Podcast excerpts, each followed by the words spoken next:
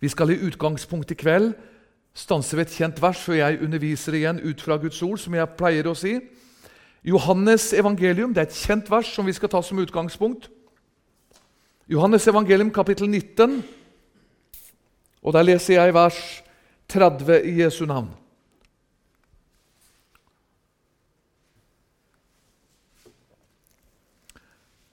Johannes evangelium, kapittel 19, og så leser jeg vers 30. Da nå Jesus hadde fått eddiken, sa han, det er fullbrakt. Og han bøyde sitt hode, og han oppgav sin ånd.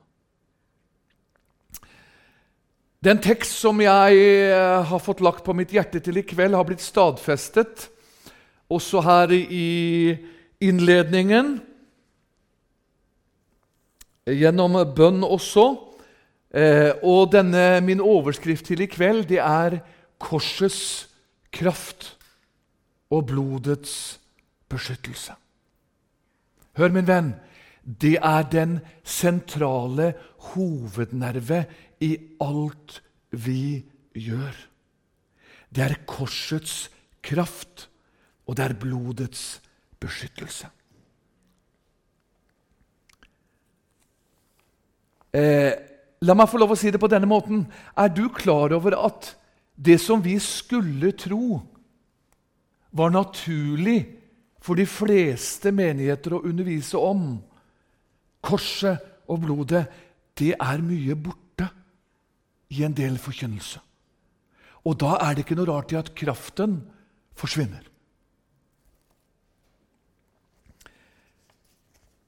Og så skal jeg få lov å ta et sitat fra David Willikerson, som sier de har avskaffet korset.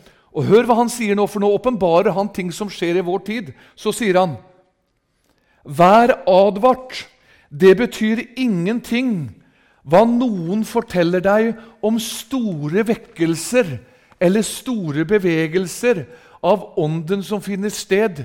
Det betyr ingenting hvor store menneskemasser som er involvert. Hør nå! Eller hvor høylytt deres lovprisning er. Det betyr ingenting. Hvor suksessrik en bestemt tjeneste eller forkynner er, dersom Jesu Kristi kors ikke er døren som mennesker går inn gjennom, så kan du være helt sikker på det er ikke et verk av Gud. Og så sier han, hør Korset, inklusive dets krav og håp, er kjernen i evangeliet. Og enhver tilbedelse, ethvert fellesskap og menighet, alt som kaller seg kirke, er pågående avgudsdyrkelse. Hvis ikke korset er sentrum i forkynnelsen. En slik tilbedelse er helt og fullt en annen ånd. Og Gud vil ikke ha noe å gjøre med den. Uten korset er alt det som er tilbake, bare agner, et forvrengt evangelium. Og så avslutter han med å si, hør, korsets realitet er ofte ikke til stede i dag, men korsets vendepunkt det er selve konfrontasjonsaspektet så det er ikke en sann evangelisk forkynnelse hvis ikke korset er i sentrum. Venner, vi trenger å løfte opp korset igjen. Vi trenger å løfte opp blodet igjen. Og når Jesus roper Nå skal jeg bare ta noen hovedlinjer i kveld. Når Jesus roper 'Det er fullbrakt', så er det fullbrakt på korset. Ikke noen annen plass. Vi har ennå en forkynnelse som sier korset er ikke nok. Jesus fullbrakte frelsen i dødsriket. Da djevelen tok Jesus til fange i sin ånd, osv., og, så videre, og så ble frelsen fullbrakt i dødsriket. Nei, det er fullbrakt på korset. Halleluja! Golgata holder. Det er nok, det som Jesus gjorde på korset. Hør min venn på møtet i kveld, og hør du som lytter. Jeg spør ikke om du er troende. Jeg spør ikke om du er oppvokst i en kristen familie. Jeg spør ikke om du leser din bibel. Jeg spør ikke om du går på møte. Alt det der gjorde jeg også. Men har du vært ved korset? Er du rensa i Guds lammets blod? Det er spørsmålet når Jesus kommer. Paulus underviser selv djevlene tror. Så det er ikke nok å tro. Troen er viktig, men det må skje en omvendelse. Det må skje en forvandling i ditt liv. Halleluja. Og da snakker ikke jeg om en spesiell opplevelse. Opplevelser er godt å ha, men det betyr ikke at vi behøver å ha en Damaskus-opplevelse som Paulus for at vi skal virkelig ha tegnet på at vi er frelst. Noen opplever det. En rystelse, en kolossals forvandling. Mens andre kan sitte i benkeraden og si 'Jesus, kom inn i mitt liv'. La kors og blodet gå over mitt liv, så er du frelst. Men hør, du må om korset. Du må om blodet, du må om Golgata. Hør, min venn, er du frelst i kveld? Har du møtt Jesus? Halleluja, det er spørsmålet. Og én ting til før jeg begynner å undervise ut fra Guds ord, med en del skriftsteder og materiell. Hør! Vi lever også en tid i dag Det er nesten en bibeltime i seg sjøl, bare det. Allahs Gud er vår Gud. Nei, Allahs Gud er ikke min Gud. All respekt for alle religioner og alle mennesker. Men hør Allah hadde ingen sønn. Min Gud er Gud Faderen i den treenige himmel, som har en jomfrufødt sønn. Halleluja! Og det var han som hang på det midterste kors. Det var han som led og ofret seg selv. Ja, Profeten Esaias sier i Esaias 52 og 53 Du var som et får som ble ført bort for å slaktet. Du så ikke ut som et menneske. Det er den Jesus som er min frelser. Det er kun den Jesus som frelser deg inn i himmelen. Det er bare én vei. Du kan lese på vei hit, så leste jeg eh, Kjøpte meg et VG. Jeg gjør ikke ofte det sånn papirmessig, for du har det jo på nettet. Men jeg kjøpte det, og der leste du om den ene og den andre. Der var det et intervju, så var det en som sa at, eh, som da var bekjennende i sin tro. Så sa han ja, det var ikke så farlig hva man trodde på, fordi vi går jo alle til det samme sted, for vi skal alle til den samme plass. Nei, det er ikke Bibelens evangelium. Hør nå. Det er to utganger av dette liv. Det er en evig fortapelse og et evig helvete. Det er ikke populært å si i dag. Det er ikke mitt ord, det er ikke arkens ord eller noen andres ord. Det er Jesu eget ord. Ordet helvete er nevnt elleve ganger tror jeg, i Det nye testamentet. Ti ganger kommer det fra Jesu munn. Fortapelsen, dødsrik osv. Det undervises mye om. Men Dette er ikke for å fordømme noen, men det er bare å fortelle.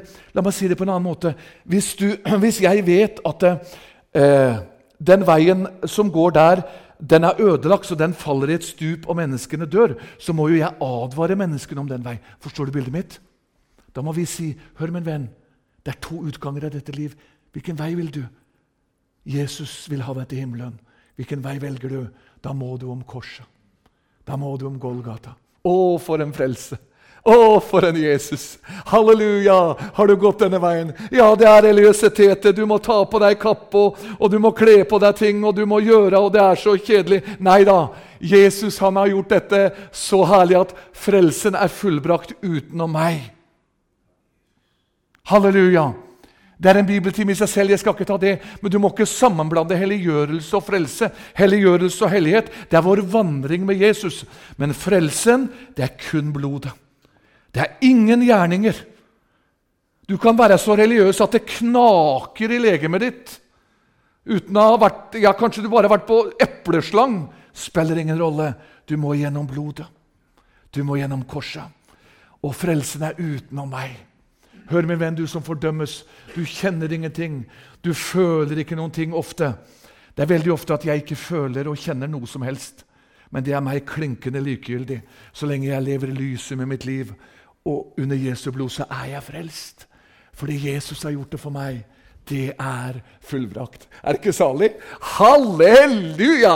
Jeg ble salig lenge før jeg gikk på møte. Ja. Halleluja, Det skjedde i går natt og i dag tidlig, og, og hele veien så liksom hadde jeg møte før møte. Er ikke det deilig? Vi har møte før møte. Som Simon, han kom drevet av Ånden inn i forsamlingen. Halleluja, det er herlig. Det er fullbrakt. Korset og blodet. Så sier han i 1. Korinterne 1,18. Hør! 1. Korinterbrev, kapittel 1 og vers 18. For ordet om korset er vel en dårskap for dem som går fortapt. Men for oss som blir frelst, så er det en Guds kraft. Hør, min venn, det er ikke du som skal gi kraft til din egen frelse, men når du holder deg tett til korset under Jesu blod, så er det Han som gir deg kraft. Halleluja! Vi har altfor mye kjøttkraft og starkraft og alt mulig slags kraft. Vi trenger Guds kraft nå. Og da må vi være tett ved korset, under Jesu blod. Her er en av kraftkildene og hovednøklene til stadig å leve under fornyelse og i Guds kraft. Hør, Vi fortsetter videre i kapittel 1, første Korinterbrev. Hør hva det står. Vers 23 i 1. Korinterne 1, 23. Vi forkynner Kristus korsfestet. For jøder et anstøt og for hedninger en dårskap. Vers 24.: Men for dem som er kalt, både jøder og grekere, forkynner vi Kristus, Guds kraft og Guds visdom. Og så sier han i vers 2 i kapittel 2. For korinterne har begynt å komme til en, en, en tilstand hvor de skulle prestere sjøl, og det var andre ting som fikk hovedfokuset. Så sier han i vers 2 i kapittel 2.: Jeg vil ikke vite noe iblant dere uten Jesus Kristus og Han korsfestet. Halleluja! Det er bare én vei. Det er gjennom Jesus. Det er gjennom korset og blodet. Hør, min venn, er du sikker på at du er frelst i kveld? Jeg spør ikke om du føler veldig salige følelser, men at du har sagt til Jesus Takk at korset har gått gjennom mitt liv. Takk at du renser meg med blodet. Da er du et Guds barn. For Bibelen sier det. Halleluja. Er ikke salig? Herlig? Halleluja! Jesus er vår kraft. Og så skal jeg føre deg bare helt kort prosess. Eh, helt fra første Mosebok. Vi slår opp nå i første Mosebok 3. Og jeg, som jeg sa i går, du som er ung her også eh, etter at du har vært frelst ei stund, så skal du be om Guds åpenbaring. Og så skal du begynne å lese Det gamle testamentet og be om at Den hellige ånd viser deg Jesus. Da vil du se Jesus i hver eneste bok. Enten direkte gjennom profetier, gjennom forbilder eller med elementer som er et bilde på det Jesus gjorde. For jeg sier ofte, uansett i hvilket tema jeg underviser i, det er flere viktige tema i Guds ord. Men som en rød mal gjennom hele Bibelen, fra første Mosebok til siste åpenbaringsbok, det er korset, det er blodet, og det er Golgata. Halleluja! Og så leser vi først, så skal vi få se nydelige bilder. Har du penn og blyant, noter gjerne ned og lese hele kapittelet, for det har ikke vi tid til. Jeg begynner først i første Mosebok, kapittel 3. Her har eh, Adam og Eva syndet. Og synden måtte ha et offer, som er et bilde på Kristus. Første Mosebok kapittel 3, 21. Gud Herren gjorde kjortler av skinn til Adam og hans søstre, og han kledde dem med skinnene. Det er et bilde på offeret på Goldgata. Det måtte et offer til. Når de hadde syndet, så er det kun én ting som gjelder. Det er Jesu blod. Det er Golgata og det er Guds offerlam, Jesus Kristus. Halleluja. Det er kun det offerlammet som er duelig for Jesus. Halleluja. Eh, vi går i 2. Mosebok kapittel 12. Her er det en hovedberetning. Jeg skal stanse litt ved den. Og så skal du få se andre ting også, som et mektig bilde på Kristus, før vi går inn i Det nye testamentet igjen, om kors og blodet. 2. Mosebok 12 det er Israel og jødenes utgang av Egypten. Her er det flere dype ting. Den er profetisk, den er om jødene, den er om Israel, men det er også et mektig bilde på vår frelse i kraft av Jesu Golgata og blodet. Hør, jeg skal bare ta noen ting. Her er masse bibeltimer. Men vær med meg i 2. Mosebok kapittel 12. Den som taler, står det, han taler som Guds ord. Så jeg er på trygg grunn nå når vi underviser fra Guds ord. 2. Mosebok kapittel 12, og så tar vi først vers 5. Det skal være ett lam uten lyte av hannkjønn, årsgammel. Ett lam eller ett kje kan dere ta. Bare helt kort. Det var et lyteløst lam. Hør hva jeg sier nå. I vår tid så sier mange at ja, vi tror ikke på en Jesus som er jomfrufødt. og Vi tror en Jesus som er besmittet, og han var sammen med, med Maria og mange ting. Nei, det var et lyteløst lam. Det var et lyteløst lam. Hør, en annen ting. Et lyteløst La meg et bilde av det er også hvis ikke Jesus er jomfrufødt, så finnes det ingen frelse. Da var Jesus som deg og meg. Men han er jomfrufødt. Han var jomfrufødt. For Johannes underviser i sitt brev, så sier han den som ikke tror at Kristus er kommet i kjød, han har ikke Gud. Sagt på en annen måte den som ikke tror at Kristus er jomfrufødt ved jomfru Maria, han er ikke frelst. Hører du? Det var et lyteløst lam. Min Jesus er jomfrufødt. Han er hellig, han er ren. Og så kommer blodet, vers 7. De skal ta av blodet, og så skal de stryke på begge dørstolpene, på det øverste dørtre, på det hus hvor dere eter det. Hør, min venn, har du strøket blodet overalt i ditt liv. På det øverste dørtreet, på sidene, når du går igjennom døren så må alt være bestrøket med blodet. Eh, jeg elsker å se film annet, når jeg har tid. Og det er, nå har det også blitt laga litt eh, filmer på bibelsk grunnlag også. Og det har blitt lagt så godt som de kan menneskelig. Så har det blitt også laget en film av Israels utgang nettopp på dette punktet fra jødene. Da ser vi hvordan de har gått inn i bibelmateriellet og sett. Det var veldig nøye hvordan de strøk utenfor dørtre. Det måtte være blod overalt, ikke bare flekkevis. Vær med meg nå. Vi kunne ha gått i dybden, men vær med. Ikke bare flekkevis. Det måtte stryke på utsiden. Så når dødsengelen kom, så måtte han se tydelig og klart dette hus, det er bestrøket med Jesu blod. Her er det ingen skjult synd. Her går jeg forbi. Er du med? Har du alt under blodet? Det er Jesus som gjør det på Golgata. Ikke din rettferdighet, ikke min rettferdighet, men Jesus, bestryk alt i mitt liv med ditt blod. Og så kommer det en nydelig setning som går igjen en to-tre ganger før vi går til et annet punkt, for ikke stanse for lenge her. Vers 13. Hør hva det står i 2. Mosebok 12. Og blodet på de hus som dere er i, skal være til et tegn for dere. For når jeg ser blodet, vil jeg gå dere forbi, og ikke noe slag skal ramme dere til ødeleggelse når jeg slår Egyptens land. Og så står det i vers 22.: Dere skal ta et knippe isopp og dyppe i blodet som er i skålen, og stryke på det øverste dørtre og på begge dørstolpene noe av blodet i skålen.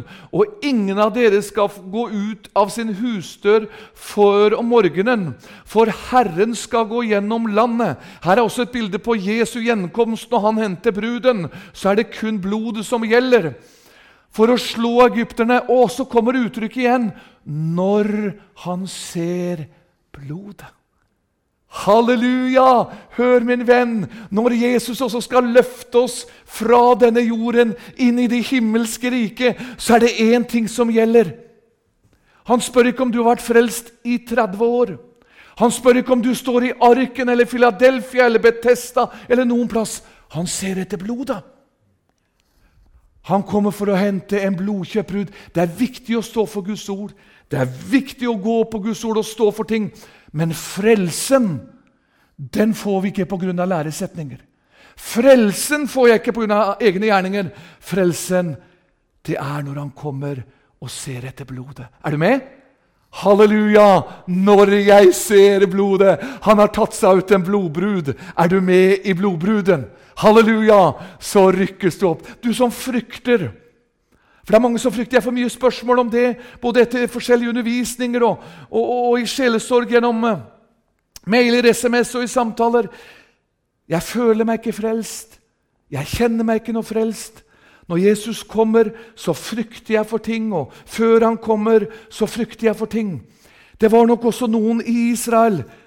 Kan du tenke deg, når de satt i hvert sitt hjem, de hadde bestrøket blodet, så er vi mennesker veldig forskjellige. Så var det kanskje noen som satt på innsida av ene huset. Så sa de nei, vi er sikre, vi blir med, for blodet er på utsida. Vi har bestrøket. Så satt kanskje naboen og tenkte nei, jeg er usikker, kanskje jeg ikke blir med. Var det deres tro eller deres tvil som gjorde at de ble med? Nei. Hva var det for noe? Det var blodet. Halleluja! Hør, min venn! Det er ikke tvil eller tro, forstår de dette bildet, som først og fremst fører deg til himmelen. Det er blodet. Vi kan være tvilende. Mange gudsmenn og kvinner var tvilende, men de hadde blod over sitt liv. Halleluja! Venner, det er kun blodet som fører oss hjem. Halleluja! Å, min Jesus, snart kommer du og henter meg hjem. Halleluja! Og da, når jeg ser blodet Fort til 2. Mosebok 15. Her ser vi korset. Her ser vi Golgata. Vær med meg nå, 2. Mosebok 15. Og så står det fra vers 25. Han ropte til Herren Hør nå! Og Herren viste ham et tre. Halleluja! Det kastet han i vannet, og vannet ble godt. Der satte han dem lov og rett, og der prøvde han dem. Hva er det? Hva er det et bilde på? Det er et bilde på korset. På Golgata. Det er ett tre. Ord om korset. Halleluja. Ser du bildet? Ja, Treverket i Det gamle testamentet generelt Det er mange bilder her. Treverket det er ofte et bilde på korset. På det Jesus gjorde. Rødfarvene og blodet, ofringen, slaktingen i Det gamle testamentet. Det er et bilde på han som skulle slaktes og ofres der fremme. Er du med? Du som er ung. Hvis du har dårlig, lite tid, Noen sier at jeg har lite tid, jeg har lite å gjøre. Her får du mye å gjøre. Begynn å pløye Guds ord. Ja, da skal jeg si det, da får du nesten ikke sove altså når her blir levende for deg. Halleluja. Da blir det som, som jeg sa til Jesus i dag. Jesus, nå må du stoppe, for nå blir det så mye her at nå må jeg begynne å notere ned. Halleluja. Har du opplevd det? Du sitter og studerer, og du sitter og ler. skal sitte hjemme i leiligheten min, og så kommer det så masse ting. Du vet, vi var inne på det her med å grave grøfter i går. Grøft på grøft. Hvis du har vært med og jobba litt sånn fysisk, da, som noen av oss forkynnere her Det er ikke alle oss som bare er matprester. Vi jobber jo litt også. Så når du har hjelpa til å jobbe litt, og du har grava grøfter, og, og, du driver og graver og Hvis du da graver rundt et hus for eksempel, og, og, og hjelper til med sånne ting, og det er mye vann, så plutselig hvis du graver Der er vannårer. Og du begynner å grave, og det er store årer, så kommer vannet her, og så kommer vannet der, og så kommer vannet der. Så fosser det inn vann. Og så ble det et veldig bilde på meg. Det kan bli sånn noen ganger når du graver grøfter, som var inne på i går. Du begynner å be Gud åpenbare, så kan det bli så mye vann der du står at du sier Jesus, nå må du ta pause her, for at, nå er det så mye velsignelse og kraft. Sånn kan Jesus gjøre det i menigheten. Jeg har et bilde på det som kom for meg nå. Hør! Under Den reisendes vekkelse på Hamar, Georg Suland, som var en av høvdingene Masse ble frelst. Ludvig Karlsen, som i dag er hjemme hos Jesus, men starta evangeliesenteret, ble kalt dit som evangelist. Det var en gjennomgripende vekkelse over Hedmark og Oppland. Eh, og Det reisendes folk kjenner jeg mange av, og det er mye mitt folk. Så sier Georg Suland og Gud begynner å frelse sjeler. Og Da tenkte jeg på arken. Jesus, sånn gjør du det på arken. Sånn her er nå. Nå blir det så mye bølger at vi må be Jesus ta en pause for at det blir så mange sjeler frelst og velsigna. Så sier Georg Suland, for mange blei frelst. Men så sier Georg Suland, for han var en vis mann, så sier han til brødrene at det må undervises her. Det blir så mange nå. for Hvis ikke så mister vi dem. Er du med? Det er viktig med undervisningen. Så sier de rett og slett de er veldig enkle. Og, og, tydelig sier de til Jesus i et bønnemøte Jesus, kan du være så snill å stoppe vekkelsen litt nå? Stopp den to-tre måneder nå, så vi får undervist den her. Altså, Det ble, ble frelst titalls i møter hele veien. Det var mange hundre som ble frelst.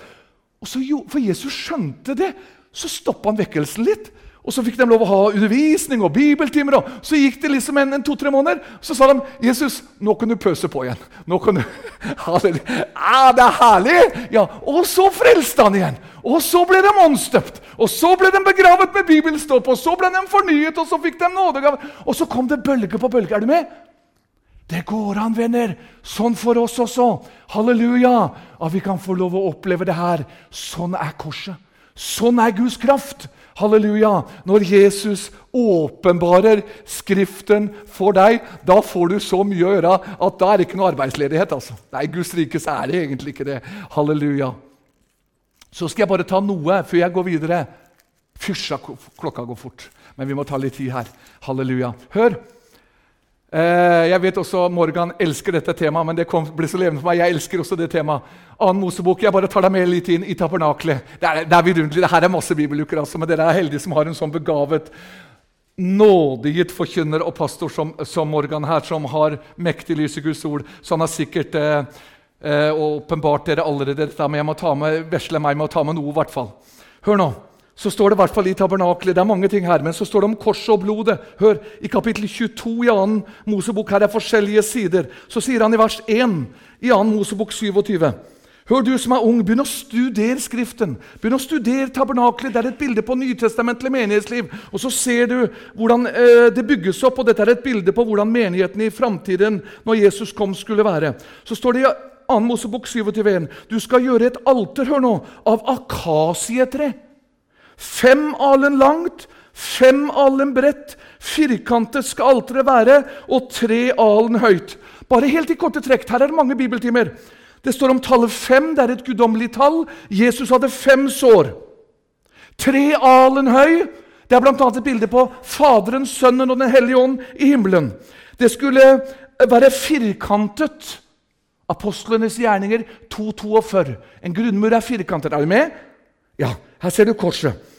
Og en annen ting som er mektig, det kan du lese i kapittel 28.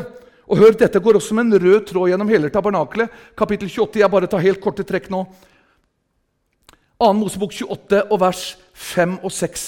Her er det farver som går igjen som hovedfarver i tabernakelet. Og her kommer korset og blodet. Hør nå.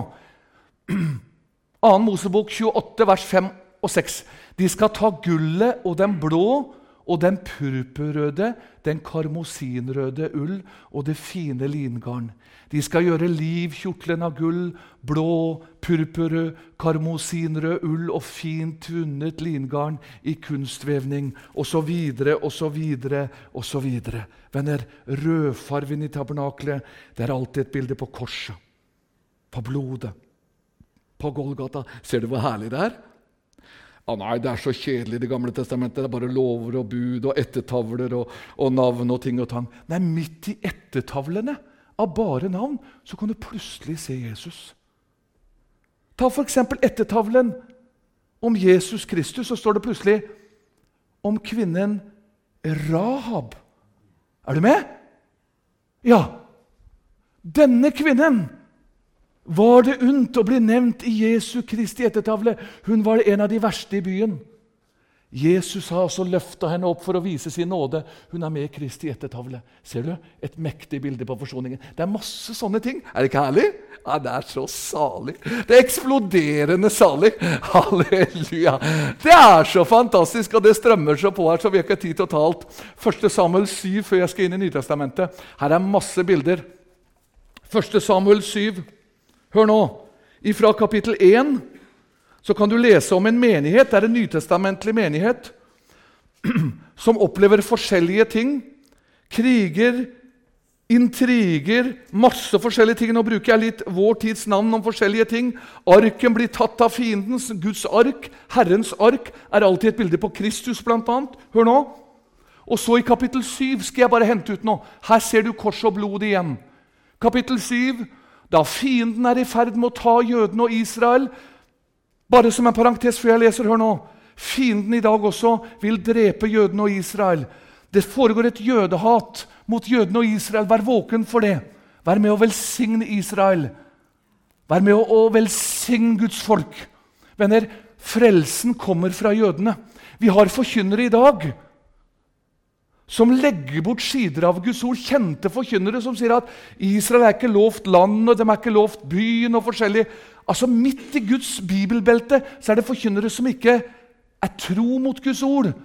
Hadde ikke vært for jødene, så hadde ikke vi vært frelst. Frelsen kommer fra jødene, sier Jesus. Det var bare en parentes. Her er jødene i ferd med å bli tatt av fienden. Så kommer Samuel i vers 9 og 10. Første Samuel kapittel 7, vers 9 og 10. Her skal du se hva hemmeligheten var til seier. Da tok Samuel Her kommer lammet igjen på som Kristus. Da tok Samuel et diende lam. Ofret det helt som brennoffer til Herren. Og Samuel ropte til Herren for Israel, og Herren svarte ham. For mens hør nå, mens Samuel ofret brennofferet, og filistrene rykket frem til strid mot Israel, da sendte Herren samme dag et sterkt tordenvær over filistrene og forferdet dem, så de ble slått av Israel. Hva var det som vant krigen? Det var det diende lammet. Samuel tok et offer av et lam som et bilde på Kristus. Og hør hva jeg sier nå, et utvida bilde på det her. Når vi er innom grunnpilarer og fornyelse og vekkelse i menigheten. Som jeg sa også var innom i Tromsø om forskjellige tidens tegn.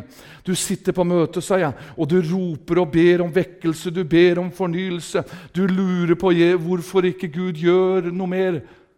Og hvorfor han ikke kommer med det og det, det kommer han på oss, det. Det kommer han på oss, det. I dag så prøver vi erstatningsteologi. Vi trar inn masse ting i Guds hus for å få det til å virke og få vekkelse og framgang. Det er masse kjødelige ting. Men venner, her er nøkkelen. Vi ofrer det dine lam.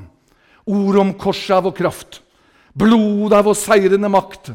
Halleluja! Dette løfter vi fram som en hovedpilar og som den fremste hovednøkkelen til fornyelse og vekst og framgang både i ditt og mitt liv og i menigheten. Det er fullbrakt. Halleluja! På korset. Gjennom Jesu blod. Det er kun én vei til frelse og fornyelse, og det er gjennom korset, og det er gjennom Jesu dyre blod. Så går vi inn i Det nye testamentet, så skal jeg bare ta med noen herlige sannheter eh, mot avslutningen her. Paulus brev til kolossenserne. Du som strever med din frelse, du som er på møte i kveld eller lytter, så møter vi mange som strever med sin frelse. Hør nå.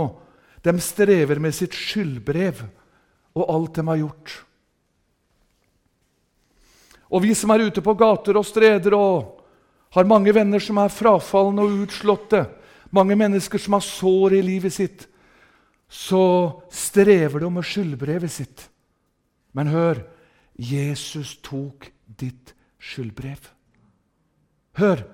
Uansett hva du har gjort, så dekker Jesu blod. Så er det noen som sier nei, det er visse ting som mennesker er så skyldige, og de har gjort så mye gærent, så Jesu blod dekker ikke. Jo, hvis ikke Jesu blod dekker all synd, da stemmer ikke evangeliet. Han dekker all synd der hvor det er et hjerte som ber om renselse fra all synd. Det er en hemmelighet. Er du med? Så jeg har sagt i ytterste konsekvens Hør hva jeg sier nå, og legg merke til hva jeg sier. Hvis F.eks. både Breivik, som vi syns er grusom, alt attentat, det han gjorde. Og vi kan tenke på krigens verste. Hvis, jeg har endog sagt hvis Hitler hadde på sitt siste sekund bedt om frelse idet han gikk over i evigheten, så hadde Jesus dekka det med sitt blod. Er du med? Ja, han hadde gjort det. Hvis det skjer, venner, så vi sier 'den gikk fortapt', 'den gikk fortapt', 'den gikk fortapt', for den levde sånn og sånn. Ikke si det. Vi vet ikke hva som skjer i de siste sekund. Hva sa røveren på korset? Han var kanskje skyldig både hor og ekteskapsbrudd på forskjellige områder, og mord og alt mulig. I dag, sa Jesus, skal du være med meg til paradis. Hør, min venn som lytter, som jeg begynte denne talen med. Korset skiller. På den ene siden var det en som døde i sin synd. Vil du dø i din synd, eller vil du gjøre som han som hang på andre siden? Jesus, Jeg vet, Nå bruker jeg mine ord i samme mening. Jeg vet jeg egentlig skal gå fortapt. Jeg vet jeg skal dø. Men tenk på meg når du kommer hjem. Så sa Jesus i dag skal du være med meg til paradis. Vi har så lett for oss og Guds folk å si den er grusom, og hun er grusom, og han er grusom. Jesus tok skyldbrevet, og den verste synderen kan bli det mektigste redskapet. Venner, vi trenger en forsamling av mennesker. Eh, som dere har her i arken, så trenger vi varme hjerter, noe som jeg var inne på i går. Vi trenger å si til menneskene det er en som elsker deg. Det er en som tok ditt skyldbrev. Det er en som døde for deg. Halleluja! Så kan det mest ubrukelige redskap bli det mest brukelige redskap for Jesus. Tenk på Johannes 4. Tenk på Johannes 8. Noen av de verste kvinnene. Og der er menn som er som røveren på korset. Men når Jesus får tak i det, halleluja, så forvandler han det pga. at han tok skyldbrevet Kolossenserne 2, 13-15. Jeg skal begynne å lande nå, men jeg har som i går. Jeg har ikke begynt ennå, men jeg må lande. Hør nå. Kolossenserne 2, 13-15. Hør. Og Legg merke til uttrykkene her. Når jeg har bibeltimer om dette temaet, så bruker jeg å ta det steg for steg. Legg merke til uttrykkene her. Også dere som var døde ved deres overtredelse og deres kjøds forhud. Dere gjorde Han levende. Med ham, idet han tilga oss mesteparten av våre overtredelser. Nei, halleluja, her var det en sjel som var våken. Han tilga oss alle våre overtredelser. Ja, men Jesus, det kan du vel ikke dekke? Det kan du vel ikke dekke? Når fangevokteren kom til Barnabas, han hørte kanskje nøklene som rasla i, eh, i fangevokterens hånd, så tenkte Barnabas Nå skal jeg dø. Nå er jeg fortapt. Men istedenfor å få budskapet 'du er dødsen pga. din synd', så fikk han 'det er en som har gått til ditt sted, du er fri'. Halleluja, hør min venn som lytter på dette budskapet. Uansett hva slags skyldbrev du har, det er en som har satt deg fri. I kraft av Golgata, i kraft av korset. Ord om korset! Det er Guds kraft til frelse. Blodet, det dekker alt. Alle våre overtredelser. Han utslettet skyldbrevet mot oss som var skrevet med bud. Hør, han utslettet det. Det er kasta i glemselen hav. Selv om djevelen prøver å fiske hos oss i vår tanke og sinn. Han har ikke fiskekort, han heller. Han har utsletta det. Så når djevelen kommer til Gud, til Jesus, og så sier han han John Willy, han gjorde det. Hun Kari gjorde det. Vet du hva Jesus svarer? Jeg vet ikke hva du snakker om. Jeg vet ikke hva du sier, for at blodet mitt har gjort alt. Er du med? Halleluja! Han dekker meg med sitt blod. Han beskytter meg med sitt blod. Halleluja! Det tok han bort. I hva da? Han naglet det til korset. Ikke dødsriket, ikke mine følelser. ikke hva jeg... Han nagla det til korset. Halleluja, hør min venn, du som strever. Det er korset som fører deg til himmelen. Det er blodet som løfter deg hjem. Halleluja! Så sier han i vers 15 han avvæpnet maktene og myndighetene. Han stilte dem åpenlyst til skue idet han viste seg som seiersherre over dem på korset. Halleluja! Dette er Jesu blod. Dette er korset. Og så hadde jeg mye mer. Men det kom for meg nå. Jeg skal bare lese ett avsnitt til i Åpenbaringen 5. Jeg skal si jammen nå. Men hør. Bli med meg nå i Åpenbaringen 5. Vi er inne i himmelen. Vi står for Guds trone. Og så er det ingen som kan åpne boken. Men så er det løven av Judas stamme. Halleluja, det er Jesus, det. Åpenbaringen 5, vers 5. En av de eldste sier til meg, gråt ikke. Se, løven av Judas stamme, Davids rodskudd, har seiret og kan åpne boken og de syv seil på dem. Og hør, jeg så midt imellom tronen Vi er i himmelen nå. De fire livsvesenene og de eldste. Da så jeg et lam stå der, like som slaktet. Har du sett et lam Jeg har jo hatt sau sjøl og småbruk når jentene var små og gutten var små. Har du sett et lam som er slakta, som kan stå? Nei, aldri. Men Jesus er under og mirakel. Halleluja! Han er lammet som er slaktet, men som sto opp igjen til vår rettferdiggjørelse. Er du med? Han så et lam som var slakta. Det hadde syv horn og syv øyne. Det er de syv Guds ånder som er sendt ut over all jorden. Hør nå. Det kom, og dere tok det av Hans høyre hånd, som satt på tronen. Det er Gud Faderen. Og så står det i vers 8. Da det tok boken, falt de fire livsvesener og de 24 eldste ned for lammet, hver med sin harpe, med gullskåler fulle av røkelse, som er de helliges bønder. Halleluja. Og så skal jeg si ammen. Nå har jeg sagt ammen en to-tre ganger, men hør nå. Hør nå, du som er ute på gater og streder, du som er på skolen, du som er på arbeidsplassen din, så vil du gjerne vitne, men du føler deg ikke frimodig nok. Vi er forskjellige. Jeg holdt på å si Alle er ikke like beskjeden som meg. Nå er ikke jeg beskjeden, men nok om det. Men hør, så står det Hvem er det som har seiret? Hvem er det som skal gjøre kraften i deg? Det står i Åpenbaringen 12,11. Hør nå. Åpenbaringen 12,11. De har seiret Det er deg og meg, det, i himmelen. Hør nå. De har seiret over ham. I hva da? I kraft av lammets blod. Halleluja! Er det ikke herlig?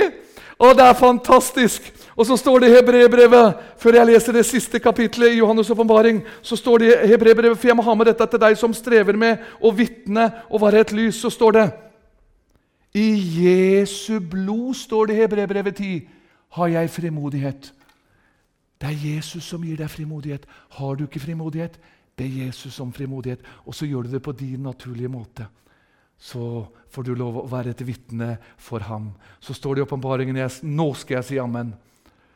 Åpenbaringen 22, 14. Salig er de som tvetter sine kjortler, så de må forrette livsens tre og gjennom portene komme inn i staden. Halleluja. Har du tvettet din kjortel? Er du ren i Jesu blod? Som jeg begynte med. Noen sier også det. Ja, sleng deg med, skal du bli med oss her? Vær med. Det er fint, det. Men til himmelen kan du ikke bare slenge deg ved og være med. Du må gå en vei. Det er om korset. Det er om blodet. Ordet om korset.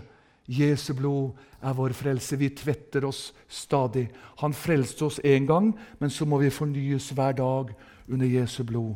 Og så sier du som ber for bønnebarna vi tror at Jesu blod skal frelse, men nå må vi begynne å forkynne også da til de ufrelste. Og så må vi ha tro for blodets kraft over våre barn. Jeg sier til mine barn og svigerbarn be hver dag om blodets beskyttelse. Djevelen går omkring som en brølende løve. Blodet beskytter familien. Venner, nå trenger vi å be om blodbeskyttelse over hver og en. Og dette evangeliet, denne fornyelseskilde, denne hovednøkkel i fornyelsesknippet, det er viktig. Det er blodet som frelser. Det er blodet som bevarer. Halleluja. Og Jesus, han skal bevare oss like inn i himmelen. Ordet om korset er en Guds kraftig frelse. Og salig er de som tvetter sine kjortler, så de vil få rett til livsens tre og gjennom portene komme inn i staden. Hør, min venn, det er blod som frelser deg. Når jeg ser blodet, det holder. Det er nok, det som Jesus gjorde på korset. Herre, vi priser deg. Takker deg, Jesus, for dette enkle evangelium. Herre, du har sagt at dette ordet om korset det er vårt frelsesgrunnlag. Herre, hjelp oss at vi midt i endetiden ikke får feil fokus, ikke mister fokus, men at vi igjen og igjen løfter opp dette budskapet til frelse. Ord om korset er Guds kraft til frelse. Takk for blodet som rant. Og du sier at når du ser blodet, ja, da løfter du oss hjem. Takk for blodet, takk for korset, og takk at det holder. Det er fullbrakt. Amen.